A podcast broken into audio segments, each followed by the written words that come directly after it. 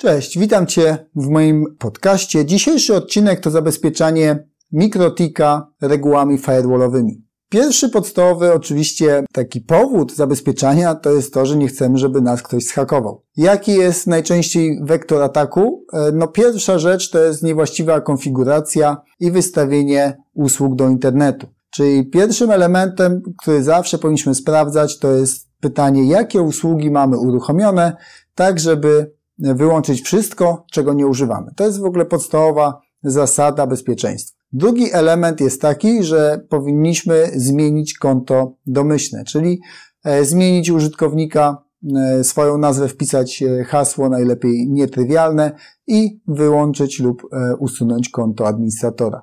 Po tych dwóch czynnościach możemy przejść do koncepcji budowania naszej polityki bezpieczeństwa w oparciu o firewall. Jaki firewall mamy do dyspozycji na Mikrotiku? To jest e, podejście takie klasyczne, bym powiedział, e, czyli bazujemy tutaj na regułach dotyczących sieci i interfejsów, portów protokołu TCP/UDP. To jest podejście, które no nie jest najnowocześniejsze, ale z drugiej strony, jeżeli masz małą sieć Mikrotika, no to lepiej się zabezpieczyć nawet na takim podstawowym klasycznym poziomie, niż się nie zabezpieczać. Więc żeby pisać reguły firewallowe, to najpierw trzeba zapytać się, czy ja wiem, co w mojej sieci się dzieje, jakie usługi są uruchomione, co z czym powinno się komunikować. I to jest najtrudniejszy moment dla większości administratorów, dlatego że w większości no jest tym problem, żeby wiedzieć, co gdzie działa. Jeżeli będziesz wdrażał swoje reguły bezpieczeństwa, i to najczęściej jest proces, jeżeli już masz instalację jakąś działającą, jakieś usługi, e, no to na pewno to jest element, który będzie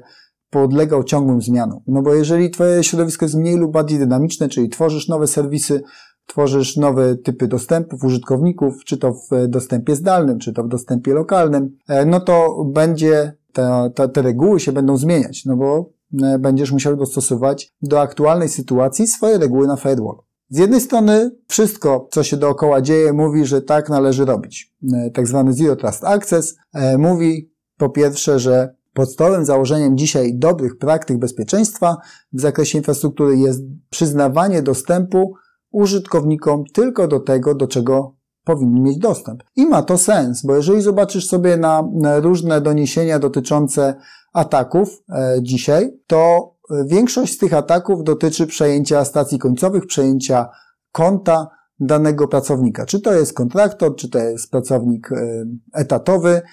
Nie ma to aż takiego znaczenia. Ma znaczenie natomiast to, że ten użytkownik ma dostęp do naszej sieci wewnętrznej. Czyli jeżeli chodzi o taki poziom zabezpieczenia naszego, mm, naszej infrastruktury od strony internetu, to o ile nie zrobisz grubego błędu na zasadzie, że nie będziesz wystawiał jakichś dziurawych usług e, bezpośrednio do internetu, nie będziesz przekierował samych portów e, i skupisz się na dobrym kontrolowaniu tego, co wystawiasz do internetu, no bo taki typowy przykład to dostęp VPN-owy. No chciałbyś mieć dostęp przez internet VPN-owy do swojej infrastruktury zapewne, nawet na wypadek jakiejś awarii e, czy jakiegoś nagłego działania, żeby mieć ten dostęp zdalny. Więc coś zapewne e, będziesz wystawiał do internetu.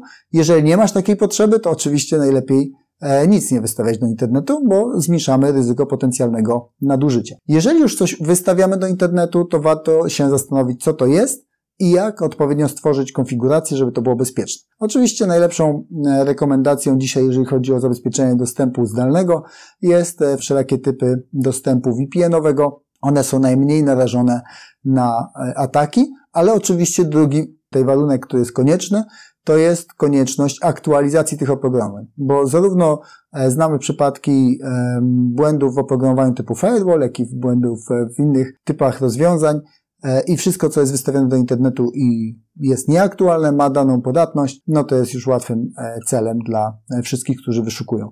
No i internet ma też jeszcze tą niemiłą cechę jednocześnie, no i zaletę, zależy co potrzebujesz, że mogą się do tego Twojego systemu próbować łączyć ludzie z całego świata.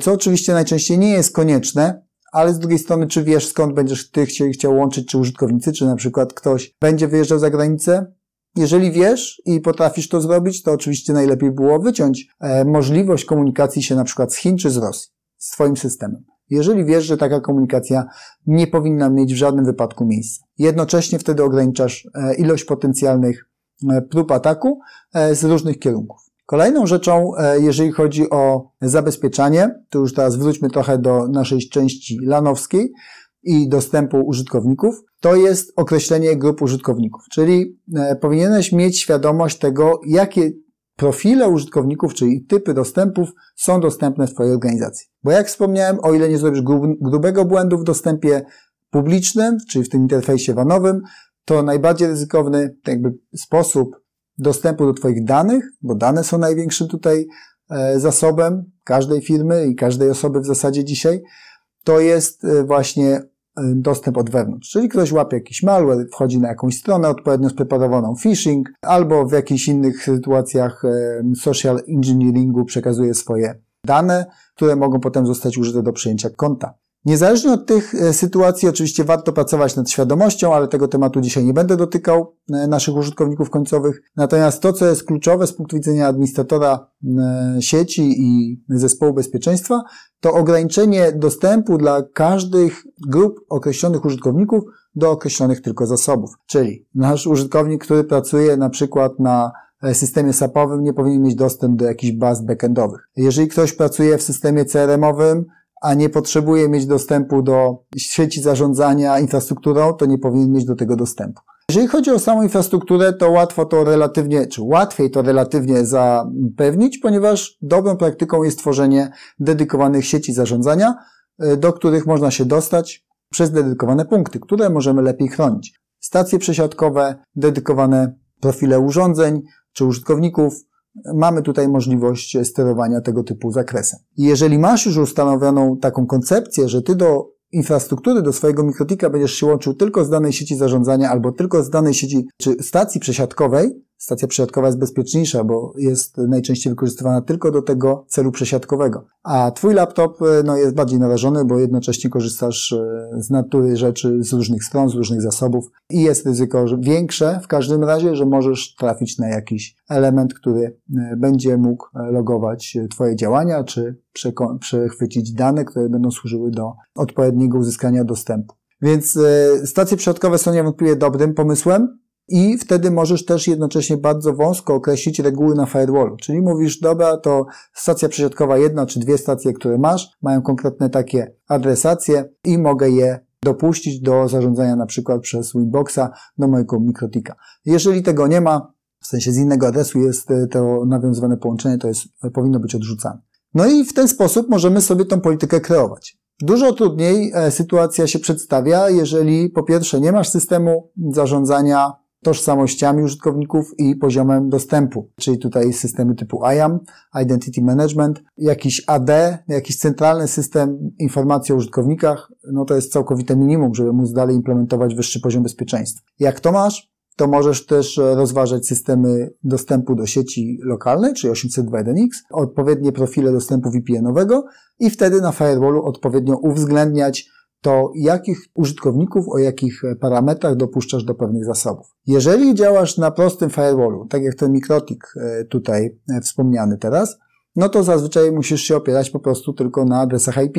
Co można zrobić, ale wymaga to troszeczkę więcej wysiłku administracyjnego i jest też później e, trudniejsze w dochodzeniu w przypadku jakiegoś incydentu, co się wydarzyło gdzie, bo musisz dodatkowe logi analizować, żeby przekładać sobie, jaki użytkownik miał dany adres IP w danym czasie, w różnych systemach, więc to jest problematyczne. Niemniej jednak zawsze jest tak, że każda organizacja, każdy administrator działa w ramach możliwości, jakie ma. I e, różny poziom jakby tej dojrzałości mm, danego urzędu, firmy, organizacji e, pozwala na takie działania, na jakie po prostu e, finansowo i zasobowo stać daną organizację. Więc jeżeli masz do dyspozycji tylko prosty firewall, zrób to, co możesz zrobić na prostym firewallu, żeby móc ograniczyć dany dostęp.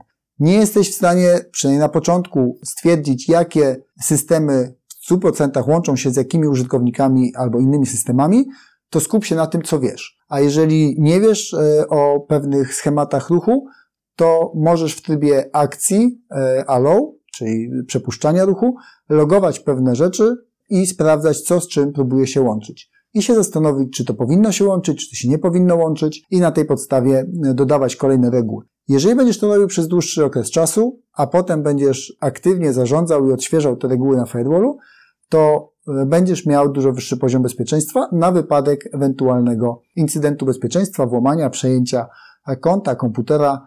Dostęp do tych danych będzie dużo mniejszy. No a wiadomo, jeżeli jest dostęp pełny, no to pierwsze, co najczęściej się dzieje, to jakieś szyfrowanie danych i próba uzyskania okupu. Systemy backupowe oczywiście też są na celowniku. Jeżeli tylko uda się je namierzyć, to też są celem ataku. To jest kolejny przykład, że jeżeli masz użytkowników końcowych, oni nie powinni mieć dostępu do systemów backupowych. Bo z jakiej niby racji? Więc jeżeli nawet taki użytkownik końcowy y, będzie miał jakiś problem i jego stacja zostanie przejęta, on ma nawet prawidłowy dostęp i ten atakujący będzie miał dostęp do jakiegoś serwera, na przykład CRM-owego, no to tam może zrobić krzywdę. Ale jeżeli twój backup działa tylko z tym serwerem CRM-owym E, i jeszcze działa na zasadzie inicjowania tego połączenia ze strony systemu backupowego i nie ma możliwości z systemu CRM-owego zaatakowania tego backupu, albo jest to przynajmniej mocno ograniczone, to już jesteś bezpieczniejszy. Czyli już masz możliwość e, ratowania się jakoś z tej sytuacji trudnej. No i w tę stronę właśnie należy iść, czyli tworzyć kolejne reguły dla kolejnych scenariuszy dostępu użytkowników, systemów, E, i sobie je dodawać i patrzeć, czy one się sprawdzają. A jeżeli zmienia się Twoja infrastruktura, no to oczywiście należy te reguły zmieniać. Na koniec, e, jeżeli chodzi o e, te trzy typy przetwarzania na samym mikrotiku. Mikrotik jest systemem, który się wprost wywodzi z koncepcji Linuxowej, a w koncepcji Linuxowej mamy IP tables, które odpowiadają za przetwarzanie, procesowanie ruchu E, i reguły firewallowe. I tak na Mikrotiku e, zaimplementowano trzy kategorie e, takich, czyli chain, takich kategorie reguł. Pierwsza, najbardziej popularna to jest forward, to jest reguła, która umożliwia ograniczanie ruchu, czy wpływanie na ten ruch dla pakietów, które przechodzą przez router. Czyli wchodzą jednym interfejsem, wychodzą drugim. Drugi typ reguły to jest, czyli ten chain to jest input, czyli to są reguły, które dotyczą wchodzenia tych pakietów na e, nasz interfejs mikrotikowy e, i tam są przetwarzane i dotyczą typowo e, ruchu, który jest związany z samym mikrotikiem, czyli najczęściej ruchu zarządczego. No i trzeci typ chaina to jest output, czyli zestaw reguł, czyli chain, który stosujemy dla pakietów, czy przetwarzania pakietów, które wychodzą z naszego mikrotika. I dzięki temu mamy możliwość wpływania na ruch pakietów wychodzących. Najlepiej oczywiście też sobie pomóc e, tym, tymi regułami ustalonych sesji, czyli mamy możliwość ustalania reguł i zmniejszenia w sumie tych naszych reguł do sesji, które są powiązane jakoś e, z prawidłowo nawiązanymi sesjami, na przykład sesję FTP, gdzie mamy wiadomo dwie sesje, jedną managementową, drugą danych i automatycznie mikrotyk jest w stanie skorelować te dwie informacje i odpowiednie reguły e, na sesję stworzyć. I możemy w ten sposób sobie ułatwić życie. A generalnie chodzi o to, żeby panować nad tym, co mamy wpisane w mikrotiku czy na firewallu i ułatwiać sobie życie. Skupiamy się wtedy tylko na kreowaniu reguł, które dotyczą nawiązywania sesji. E, czyli wtedy z jakiej sieci do jakiej sieci nawiązujemy to połączenie, ten pierwszy pakiet nawiązujący skąd idzie dokąd. E, I dzięki temu mamy e, możliwość kreowania sobie takiej polityki. Mam nadzieję, że to było ciekawe. Jeżeli masz do tego jakieś pytania, to oczywiście pisz w komentarzu. Na dzisiaj Ci dziękuję i do usłyszenia już za tydzień.